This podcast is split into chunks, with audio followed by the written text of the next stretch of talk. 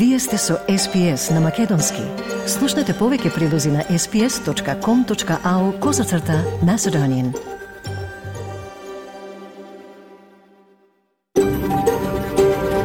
SBS, a world of difference. You're with SBS Macedonian on mobile, online, and on radio.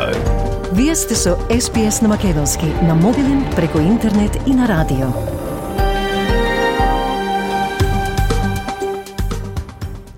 SBS им одава признание на традиционалните собственици на земјата, народот Wurundjeri Woiwurrung, припадниците на нацијата Кулен и нивните минати и сегашни старешини, како и на традиционалните собственици на сите земји на абориджините и островските народи на Torres Strait.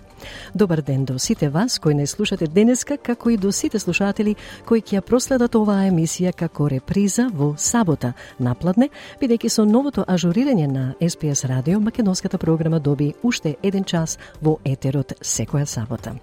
Со вас денеска, 10 ноември, е Маргарита Василева. Повестите ќе ги разгледаме најновите настани во Македонија, каде коментарите за Европскиот извештај за Македонија продолжија и вчера. Од локалните случувања, федералната влада започна разгледување на случајот со прекинот на мрежата на Оптус, што погоди милиони клиенти вчера. А втората тема од медицински карактер ќе информира за, а, за виралната болест шинглс. И кон крајот знаете како се одвиваше торжествениот пречек на светите мошти на Свети Димитрија Солунски во истоименуваната црква во Вулунгонг, токму на денот на незиниот патронен празник. Ова се смета како историски настан во Македонската православна црква а подетално ќе извести Александар Младеновски, еден од организаторите.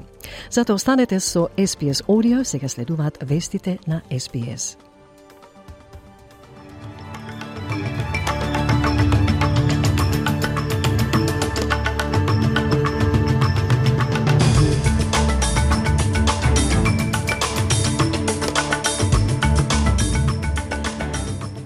Во денешниот билтен Израел се согласува на дневни паузи во бомбардирањето на северот на Газа. Националната стапка на слободни места за изнајмување паѓа на рекордно ниско ниво. И коментарите за Европскиот извештај за Македонија продолжија и вчера. Слушајте не.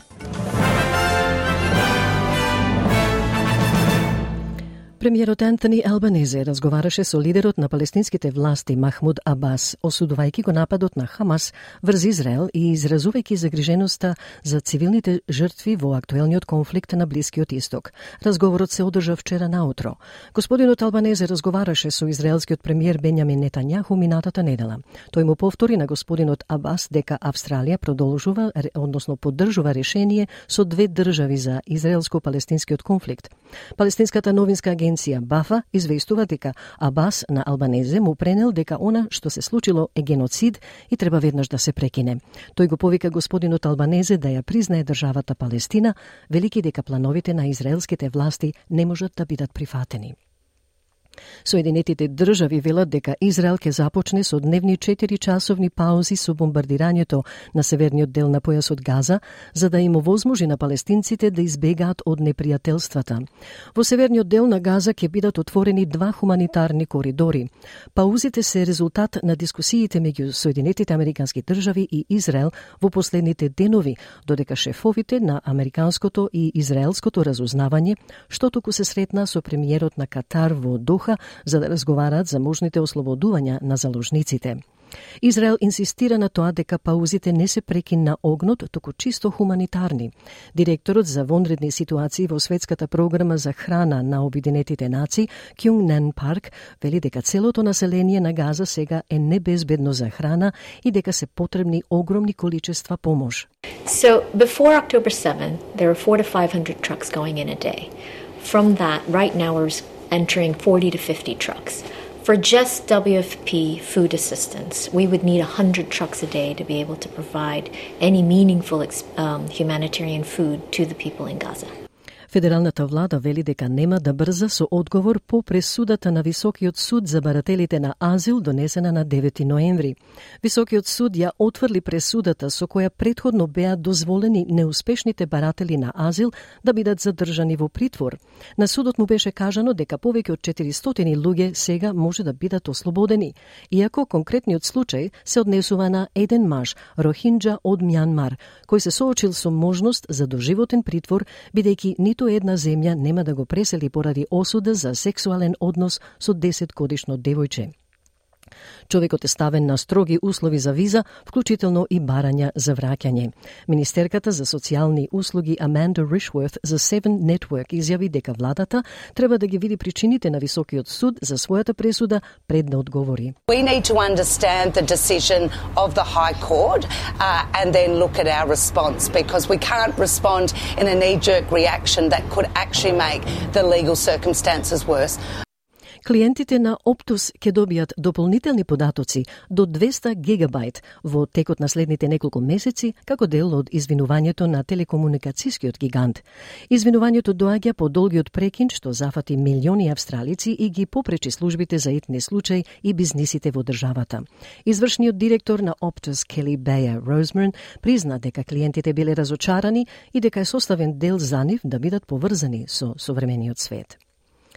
Националната стапка на слободни места за изнајмување падна на рекордно ниско ниво.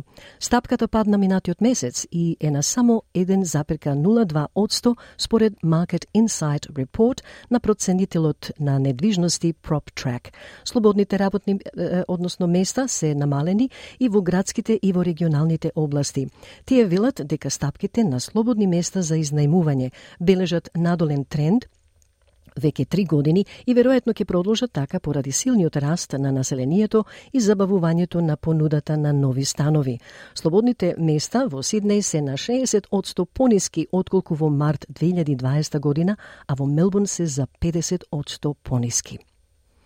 Извештајот што го доби Македонија за напредокот за 2023 година од страна на Европската комисија Евроамбасадорот Дейвид Гие го оцени како искрен и правичен.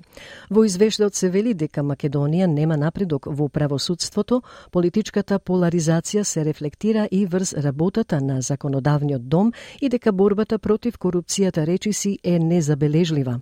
Освен ова, Гир истакна дека власта го злоупотребува означувањето со европското знаменце на закони кои немаат врска со усогласувањето со законите на европската регулатива.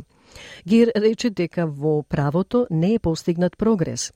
Тој не пропушти да подсети дека остануваат и обврските за носење на уставните измени за кои власта и опозицијата се уште не можат да се договорат. Вице-премиерот за европски прашања Бојан Маричич пак истакна дека Македонија не може да чека и да се надева на подобро решение од преговарачката рамка и дека вината за тоа е на опозицијата која се уште не дава подршка за уставни измени. Во Соединетите Американски држави гласачите ја дадоа својата поддршка за правата за абортус во Охајо, Вирджинија и на други места, додека демократите бележат значајни победи на државните избори. Повеќе од една година откако Врховниот суд на Соединетите Американски држави го прекина националното право на абортус, демократите јасно ставија до знаење дека планираат да го направат прашањето за пристапот до абортусот централно во трката за председател и на гласањето следната година. Мојкта на ова прашање беше особено видена во државата Охајо, која се повеќе е наклонета кон републиканците, каде што гласачите убедливо го одобрија амандманот на државниот устав за заштита на пристапот за абортус. Демократите исто така го искористија ова прашање во Вирџинија за да ја преземат контролата врз државниот законодавен дом и во Кентаки, давајќи му на демократскиот гувернер Анди Бешија втор мандат откако тој го стави правото за абортус во центарот на неговата кампања. From California to Kansas, um, Ohio to, to Virginia. The voters said, look, the government should not be telling a woman what to do with her body. I think voters have been clear, regardless of whether they're in a so called red or blue state, that one does not have to abandon their faith or deeply held beliefs to agree the government should not be telling a woman what to do with her body. Ке се воведат низа реформи за да се обидат да се обезбедат уште илјадници работници за предложената австралиска флота за нуклеарни подморници. Подморниците ќе бидат изградени во Јужна Австралија, која има високо квалификувана работна сила во одбрамбената индустрија од 3500 работници. Ова ќе треба да се зголеми на 8500 работници до 2040-тите. Вршителот на должноста премиер Ричард Малс, заедно со јужноавстралискиот премиер Пейтер Маленаускас на 10 ноември ќе го објават извештајот за таа работна сила. Владата ќе обезбеди повеќе материјал за учениците од соодветните предметни области во основните и средните училишта, како и универзитетските места во соодветните предметни области, платеното стажирање и програма за рана кариера, директно поврзана со нуклеарните подморници. Исто така ќе има можности за работници во средината на кариерата да се усовршат преку програмите за транзиција. Во Соединетите Американски држави, синдикатот на актерите SAG-AFTRA постигна прелиминарен договор со холивудските студија за решавање на вториот од двата штрајкови кои ја потресоа забавната индустрија, откако работниците бараа повисоки плати во телевизиската стриминг ера. Синдикатот вели дека 118 дневниот штрајк за зголемување на минималните плати, дел од приходите од стриминг услугите и заштита од замена на AI или вештачката интелигенција официјално ќе заврши веднаш по полноќ на локално време. Синдикатот вели дека преговарачите постигнале прелиминарен договор за нов договор со Алијансата на филмски и телевизиски продуценти, која ги представува Walt Disney, Netflix и други медиумски компании. Националниот одбор на групата ќе го разгледа договорот, а синдикатот вели дека ќе објави дополнителни детали по тој состанок. Илај Хенри, член на SAG-AFTRA и капитен на штрајкот, вели дека е надреално да се види нивната напорна работа да се исплати. It, it's uh, absolutely incredible. It's uh, it's surreal. I don't quite know how it fully feels yet. Mm-hmm. Uh, to be perfectly honest with you, uh, I'm excited to see what's in the deal and know all the details. But uh, if our negotiating committee thought it was good, then I sure it's good. Една нова студија покажува дека бизнисите бавно ги преземаат електричните возила во Австралија, но регулаторните промени може да го променат тоа. Консултантската компанија Accenture анкетираше 450 менаџери и носители на одлуки. Истражувањето покажа дека речиси еден во три бизниси допрва треба да додаде електрично возило во својата флота. Повеќе од половина велат дека нема да ги направат своите флоти целосно електрични дури до 2030 година. Accenture вели дека по амбициозните регулаторни цели, како што се гледаат во Европа и САД, би можеле да го променат тоа, бидејќи исполнувањето на владините регулативи е најголемиот двигател за преземање електрични возила.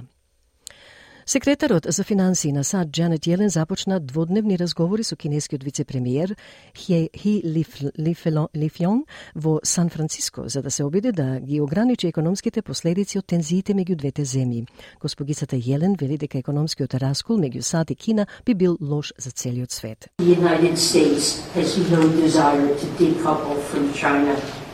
A full separation of our economies would be economically disastrous for both of our countries and for the world. И уметничкото дело на Пабло Пикасо, Фем ала Монтре, од 1932 година стана највредното уметничко дело продадено на аукција оваа година, продадено за над 217 милиони долари. Фем ала Монтре или жена со часовник ја отсликува Мартере, Мари Терез Валтер, многу помладата љубовница на Пикасо и честа тема на неговите дела.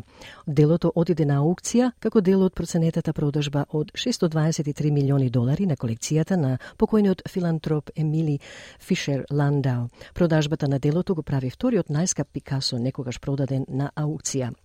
Ја купил анонимен купувач кој победил уште двајца други конкуренти.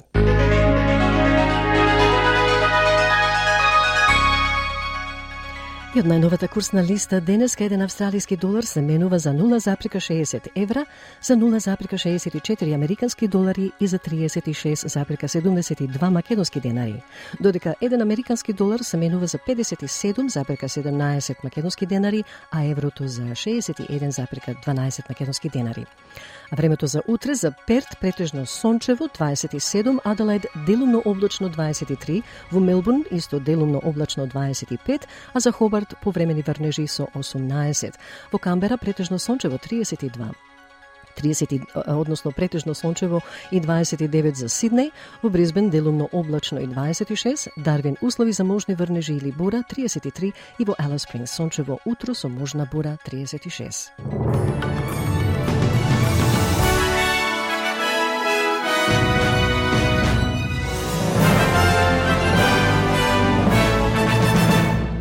Денешниот билтен вести на SPS ќе биде достапен на нашите веб и Facebook страници малку подоцна во денот, заедно со комплетната програма.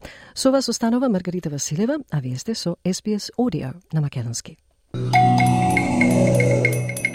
Се префрлуваме во Македонија за најновите настани во земјата и каде коментарите за европскиот извештај за Македонија продолжија и вчера.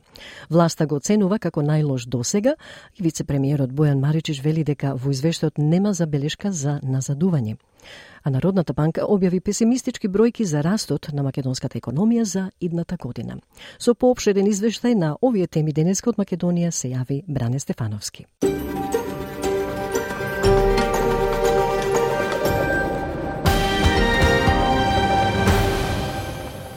Извештајот што го доби Македонија за напредокот за 2023 година од страна на Европската комисија, евроамбасадорот Дейвид Гир го оцени како искрен и правичен. Во извештајот се вели дека Македонија нема напредок во правосудството, политичката поларизација се рефлектира и врз работата на законодавниот дом и дека борбата против корупцијата речиси е незабележлива. Освен ова, Гир истакна дека власта го злоупотребува означувањето со европското знаменце на закони кои немаат врска со усогласувањето со законите на европската регулатива.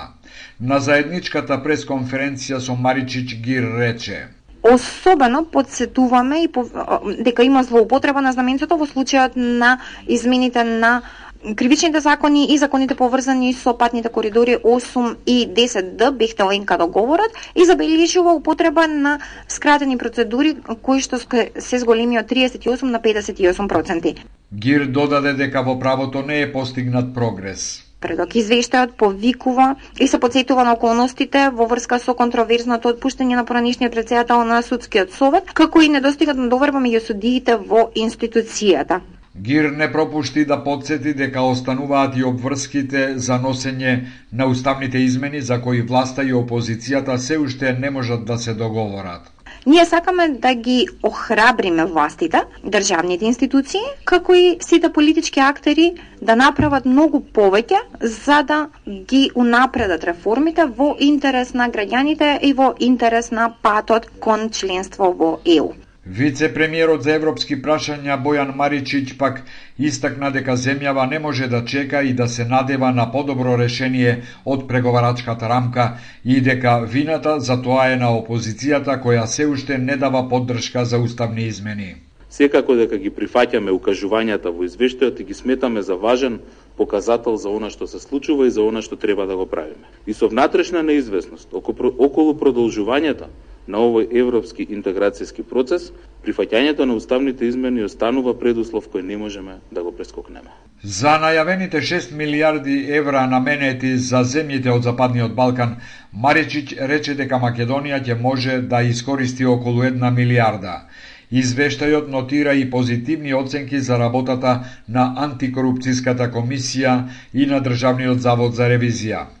Целокупната оценка на извештајот за напредокот на Македонија во подготвителниот период пред вистинскиот почеток на преговорите е на ниво на добро, вели Маричич, но на завчерашната пресконференција председателката на Европската комисија Урсула фон дер Лајен особено позитивно ги оцени Украина, Молдавија и Грузија.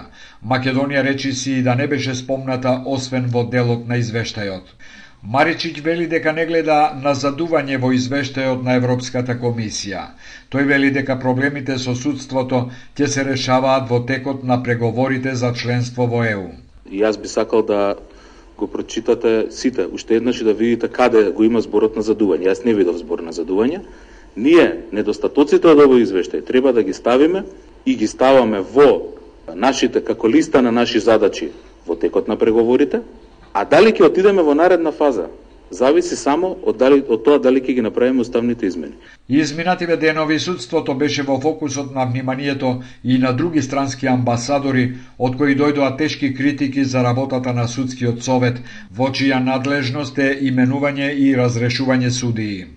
За извештајот на Европската комисија вчера немаше изјави ниту од премиерот Димитар Ковачевски, ниту од собранискиот председател Талат Джафери, но од опозицијата секако. Координаторот на Собраниската пратеничка група на ВМРО ДПМН е Никола Мицевски на пресконференција рече. Активната блокада беше еден вид на реакција од страна на пратеничката група кон владата и парламентарното мнозинство и имаше за цел да го спречи носењето на криминалните закони кои што беа меѓу коалицијски пазар на партиите од власта.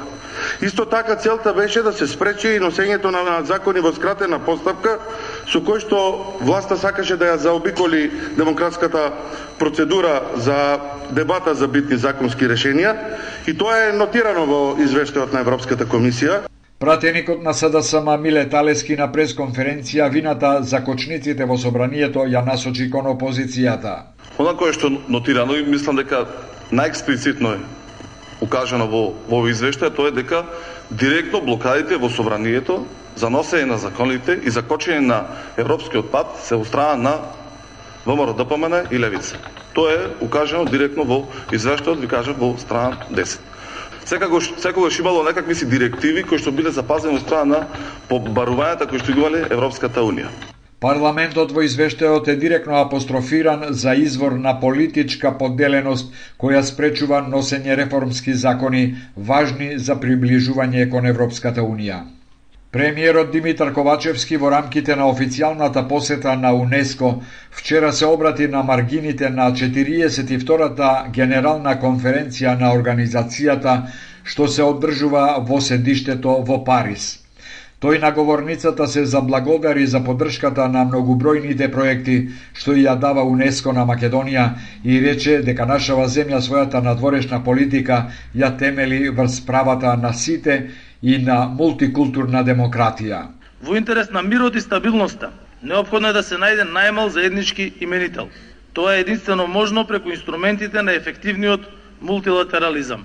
Принципите на кои Северна Македонија води својата надворешна политика се израз на внатрешната политика на земјата во градење и одржување на мултикултурна демократија и постојана инклузивност на различностите во демократските процеси, заштита и напредување на човековите права и правата на различните етнички заедници и раливите групи. Ковачевски повика демократиите да ја зајакнат својата сплотеност и отпорност независно од географските, демографските, политичките, економските или културолошките разлики меѓу државите.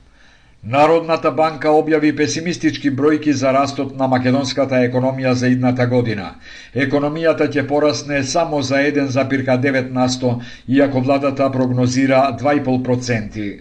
Следната година инфлацијата ќе забави поради пониските цени на енергенсите, храната и металите, но владата мора да внимава на што ги троши парите, рече на пресконференција гувернерката Анита Ангеловска-Бежоска. Нема дилеми дека фискалната консолидација не само кај нас, туку и генерално е прашање кое што широко се дискутира, се акцентира потребата, бидејќи по поддршката која што беше испорачена на корпоративниот сектор, веќе јавниот долг е значајно зголемен во речиси во сите економии во регионот, во Централна и Југоисточна Европа и од тука неопходна е и консолидација на јавниот долг, а таа може да се направи само преку водење на прудентни фискални политики, односно намалување на буџетскиот дефицит. Народната банка прогнозира дека ќе се намали трговскиот дефицит, а се очекува и забавување на девизните дознаки од нашите сонародници од странство. Оваа година се гледа одредено забавување, но тоа не значи пат, тие сепак продолжуваат да растат, но динамиката на раст е забавена Денарот останува стабилен, девизните резерви се на солидно ниво од околу 4 милиарди евра. Сепак, како ризици за економијата остануваат воените конфликти, натамошното затегање на финансиските услови, послабиот раст на кинеската економија и изголемениот финансиски стрес кај високо задолжените земји, рече Бежоска. Тоа беше Бране Стефановски со извештајот од Македонија за 10 ноември. И доколку сакате да слушате и други прилози, кога ќе најдете малку слободно време, посетете ја нашата Facebook страница. Побарајте ја под SPS Macedonian или нашата веб страница sps.com.au косацрта Macedonian. Таму ќе најдете интервјуа и видеоклипови, фотографии на разни и разни теми. Меѓу на новите проследете а, и дел а, од монодрамата Велика од Петре М. Андреевски, улога што ја толкуваше Дона Димовска Кантаровска на синокешниот собир на литературното друштво Кочорацен во Мелбурн. Се разбира на вообичаеното место во библиотеката во Милпарк. По неколку информативни пораки од СПС на две локални теми, а подоцна ќе го чуеме и разговорот со Александар Младеновски, еден од организаторите на вчерашниот свечен пречек на моштите на Свети Димитрија Солунски во Македонската православна црква во Вулунгонг со истото име Свети Димитрија. Останете со нас. Música Слушате SPS Audio на македонски, а со вас е Маргарита Василева. Федералната влада започна разгледување на случајот со прекинот на мрежата на Оптус, што, што вчера на 9 ноември погоди милиони клиенти. Во меѓувреме, телекомуникацијскиот монитор ги повикува оние кои се засегнати да ги поднесат своите жалби за компензација кај давателот на услугата. Прегледот треба да ги испита главните влијанија од неуспехот на мрежата и како тоа би можело да се спречи да не се повтори во иднина. Прилогот на С за СПС го подготви Том Стейна, а на македонски ќе го слушнете од Васе Коцев.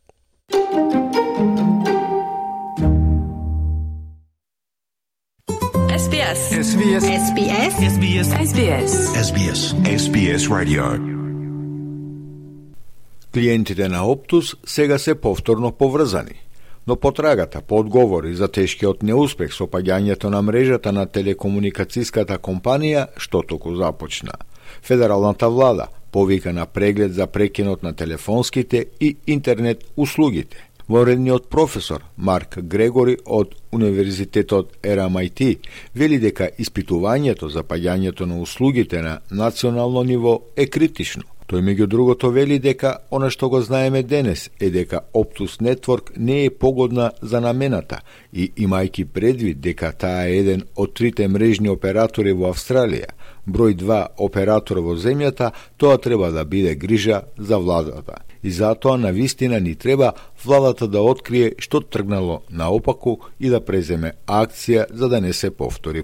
What we do know today is that the Optus network is not fit for purpose. And given that it's one of the three um, network operators in Australia, it's uh, the number two carrier in the country. Um, that should be a concern for government. It would definitely be a concern for people that use the Optus network. Uh, and so we, we really need government to find out what went wrong um, and to take action so it doesn't happen again. Прекинот на мрежата предизвика хаос за клиентите и бизнисите, а ги осакати и здравствените и транспортните системи, зависни од неговите комуникацијски услуги. Министерката за комуникации Мишел Роланд изјави за ABC дека овие грижи ќе бидат разгледани во рамките на прегледот, но изрази задоволство дека дефектот е остранет, дека услугите се чини дека работат сега, но важно е да се следи ова и важно е да продолжи ова истрага по инцидентот. It's pleasing to see that it appears the fault has been rectified, that services appear now to be operating, but it's important that we keep a watching brief on this, and it's important that uh, this post incident investigation continues. Прекинот траеше до 14 часа Пред да бидат обновени услугите. Повеќе од 10 милиони корисници беа исклучени, а по години беа и до 400.000 бизниси. Ендрю Меккалер од Австралиската стопанска комора вели дека засегнатите треба да бидат обештетени од телекомуникацијската компанија да има компензација и Оптус треба да ја направи вистинската работа. Треба да го земе предвид влијанието што го имаше врз многу од оние мали бизниси кои се борат и треба да има компензација. Yes, there should be compensation. I think here Optus needs to do the right thing. It needs to consider the impact that it's had on many of those struggling small businesses. Uh, there should be compensation. It should be financial, and we're urging Optus to do the right thing.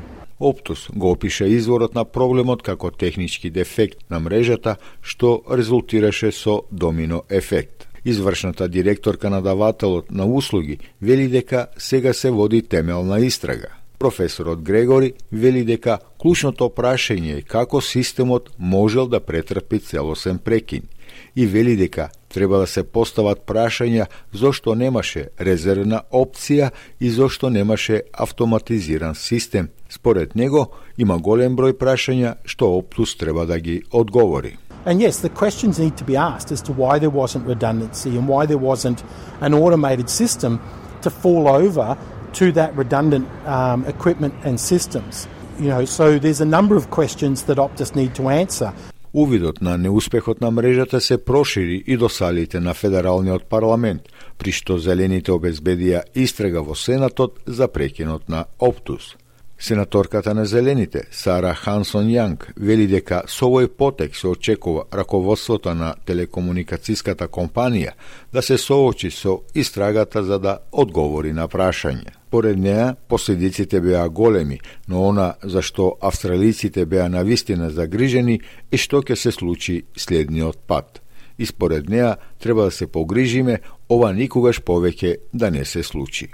The ramifications were big But what Australians are really worried about is what is going to happen next time. We need to make sure this never happens again, that there are protocols, that there are safeguards, that there is a safety net. Едно клучно влијание беше тоа што фиксните телефони не можеа да бират тројна нула.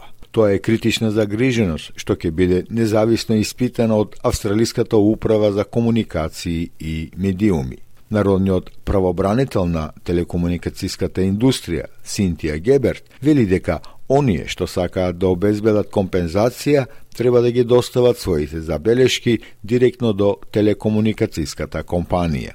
Иако во случај да не стигнат никаде, треба да ја посетат нивната канцеларија за фер и разумен исход. Where you've suffered a significant loss, let them know. And if you've got evidence of that, documentary evidence compared to previous week's takings, for example, raise it with Optus. And if you get nowhere, come to our office for a fair and reasonable outcome.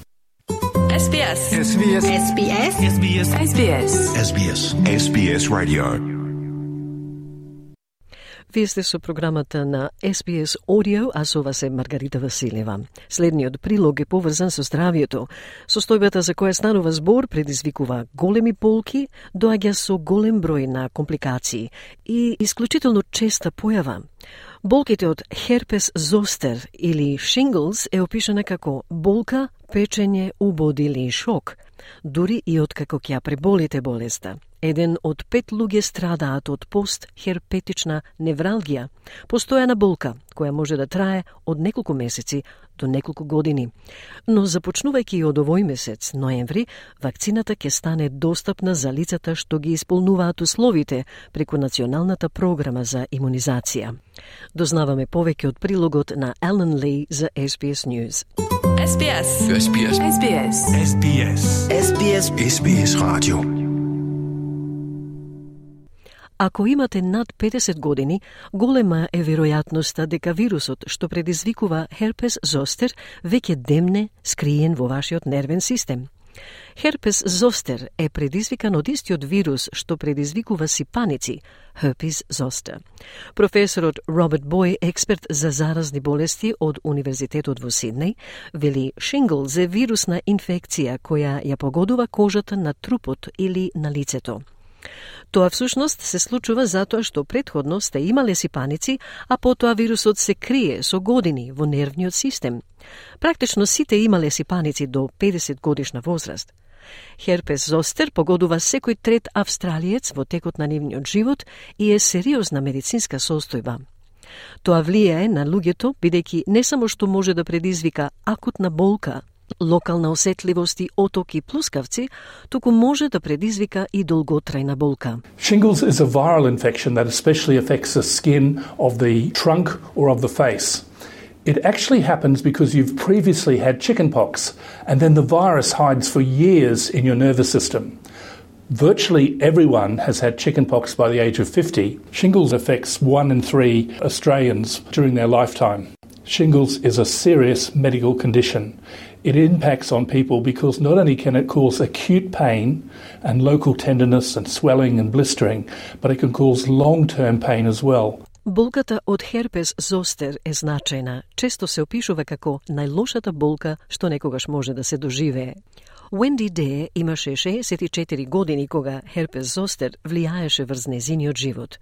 Интензитетот на болките беа како силни убоди, а спиењето оттежнато поради секаков допир, вели таа. The pain level to start with in the in the first few days wasn't significant and uh, and I wouldn't have said that it was debilitating in any way, but that was that was at the beginning. In this upper area of my of my chest, it was uh, a stabbing pain, burning pain. In fact, it was an everything pain. I um, saw the GP a number of times um, because sleeping was difficult, particularly if anything touched it.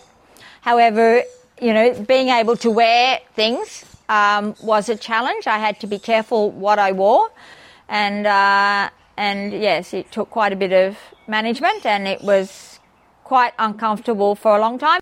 Честа заблуда е дека ако некој одржува здрав начин на живење, дека ризикот да развие херпес зостер е помал. Медицинските експерти велат тоа не е точно. Сушност, околу еден од секој три лица ќе развие херпес зостер за време на нивниот живот. Друга заблуда е дека може да добиете херпес зостер само еднаш во животот. И тоа не е точно. Професорот Бој вели, како што луѓето стареат, тие стануваат се повеќе изложени на ризикот постхерпетична невралгија, болка која може да трае со години.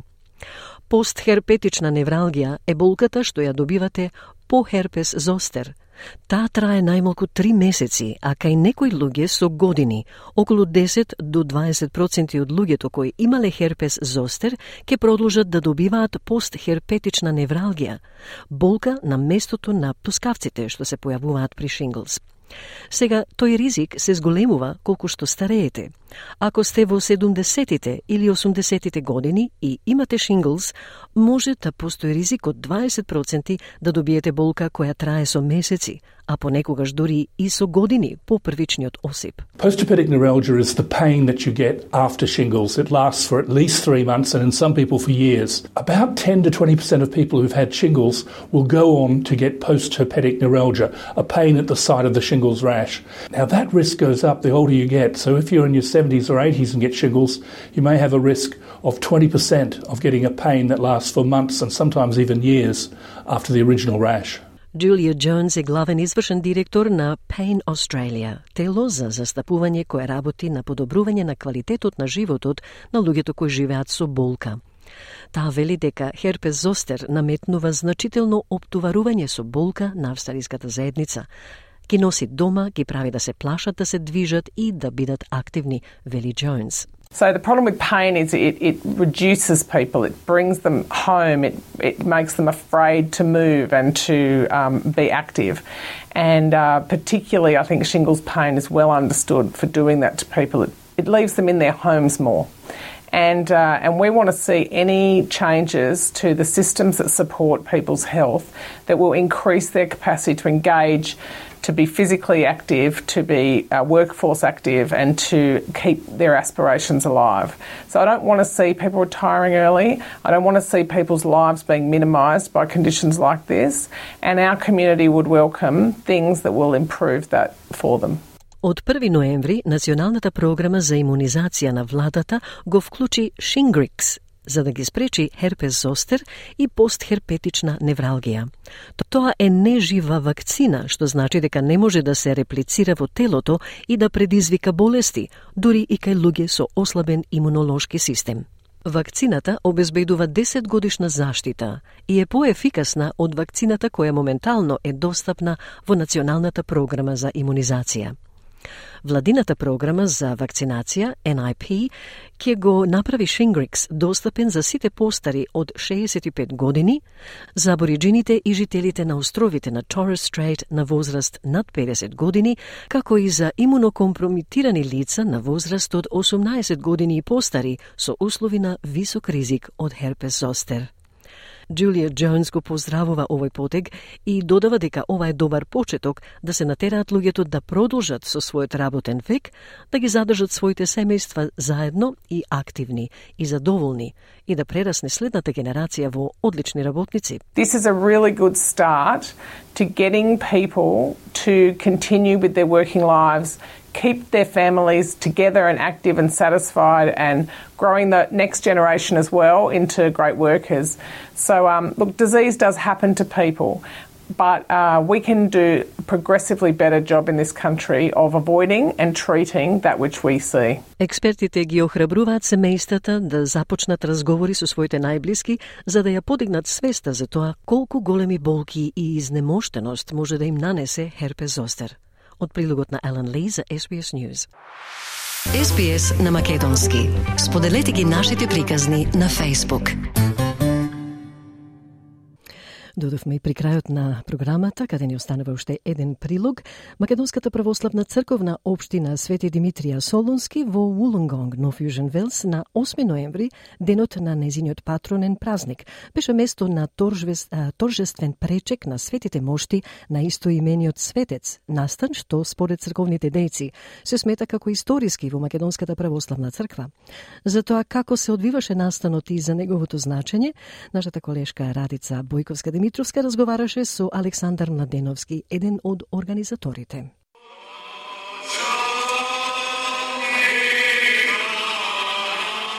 Александар, добре дојдовте на СБС на Македонски. Добро ве најдов радите и поздрав до сите слушатели на СБС радиото на македонски јазик. Благодарам. Пред се може ли да ни кажете како воопшто дојде до тоа Македонската православна црква Свети Димитрија Солунски да ги добие моштите од светецот? Да, па не, радите наједноставно, тоа, тоа е благодат Божи. Значи, голема, голем благодат за, за народот во, во Волонгон и за целата наша епархија, ние да ги добиеме е, тие мошти.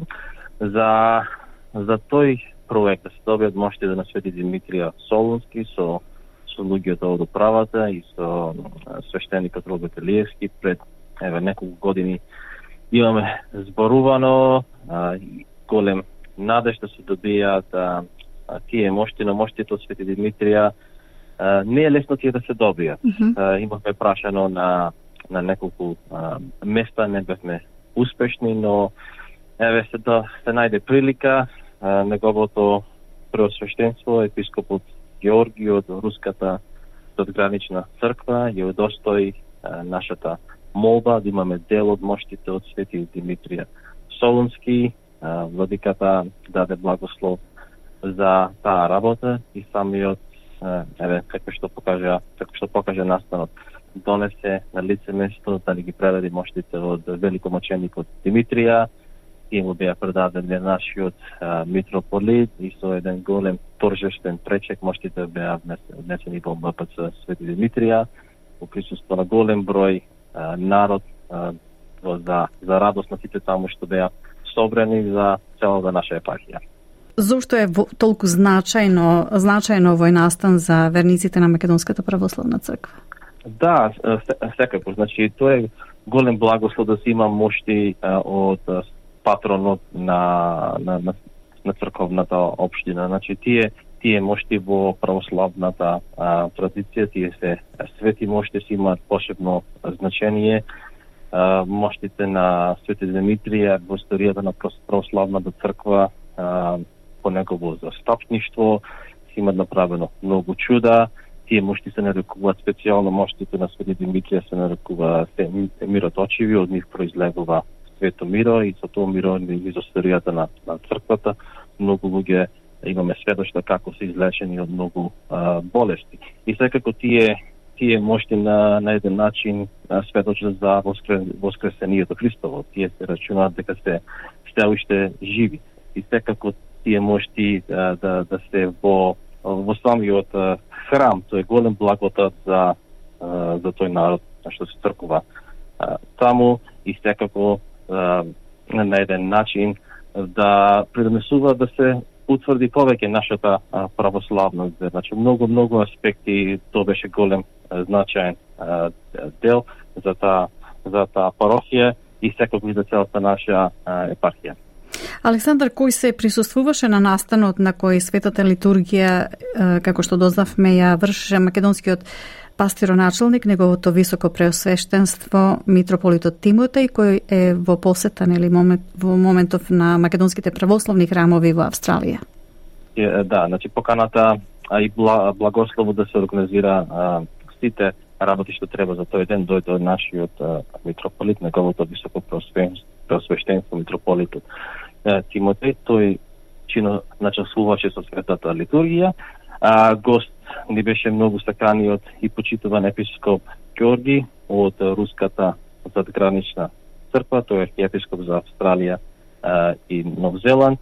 Имаше свештено служители од Македонската православна црква а, и од руската задгранична црква. А, имаше голем број верен народ, но и секако имаше таму, имаше во Волонгон а, од а, другите наши општини из Австралија, имаше представници од а, црквата Света Богородица Ньюкастел и секако имаше представници од парахијата Света Петка во Рокто. Значи беше голем собор, многу а, многу представници, многу ценети гости сите заедно да го славиме споменот на великомаченикот. Вие сте еден од организаторите од за крај кажете ни од организацијска гледна точка што беше најголемиот предизвик да се организира толку голем настан и со толку многу свештенослужители во исто време? Па, најголем предизвик беше сите, сите овие работи што требаше, приправките, за, за, за моштите, да, да се најди со, соодветен киво, за иконата, за цвехината, за сите работи. А, периодот беше многу краток, требаше да мораше да се работи на забрзано од темпо, но по, по Божја волја со браќата од Свети Димитрија Солунски и од управата таму секако од председателот Лјупчов Степановски заедно со свештеникот Роберт Илиевски заедно работевме на ова работа и во многу краток период организиравме да се достават покани на, на гостите и сето тој ден имаше таму а, и а, присуствува телевизија од а, Вин телевизија од Волонгон. Значи, ги, ги организиравме сите тие работи за многу а, краток период и секако тоа е покажува а, Божја благодат на, на сите нас што бевме вклучени во тој а, во тој настан. Добро, Александар Младеновски, ви благодарам што одвоивте време за овој разговор. Благодарам Радица и секако поздравам до вашите слушатели што дозволите да кажеме неколку зборови за овој важен настан за нашата Македонска православна партија. Тоа беше Александар Младеновски, еден од организаторите на големиот настан на торжествен надпречек на светите мошти на Свети Димитрија Солунски во Македонската православна црква, што го носи името на светецот од во Вулонгонг, односно во Нофижен Велс.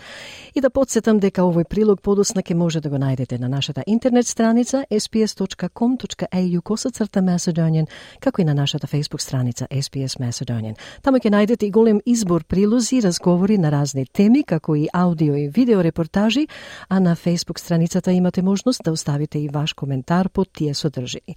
И ако дозволите мала сугестија, таму е видеото на популарниот мултиталентиран музичар Јордан Митев, снимено при неговата посета во нашето студио во Мелбурн.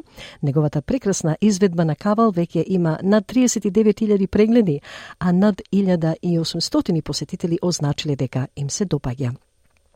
Како и прилегот за матурската вечер на дипломираните ученици по македонски јазик во Нов Јужен Вилс, каде исто така има голем број посетители кои означиле дека им се допаѓа повеќе од 2000 од нив. Им благодариме на сите кои исто така одвоја време да напишат коментар со честитки до матурантите. И не пропуштете и нашата серија Македонски везови во која што можете да дознаете за значењето на одделните делови на секоја носија на сите етнички македонци без разлика во кој географски регион живееле. И пред да заминеме, да се подсетиме на главните вести на СБС. Израел се согласува на дневни паузи во бомбардирањето на северот на Газа, додека Антони Албанези разговара со шефот на палестинската управа. Националната стапка на слободни места за изнајмување паѓа на рекордно ниско ниво и коментарите за европскиот извештај за Македонија продолжија и вчера.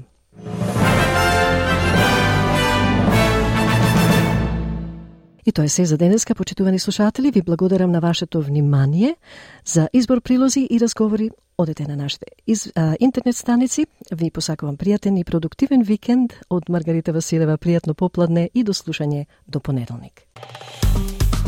Стиснете, ми се допаѓа, споделете, коментирајте. Следете ја SPS на Македонски на Facebook.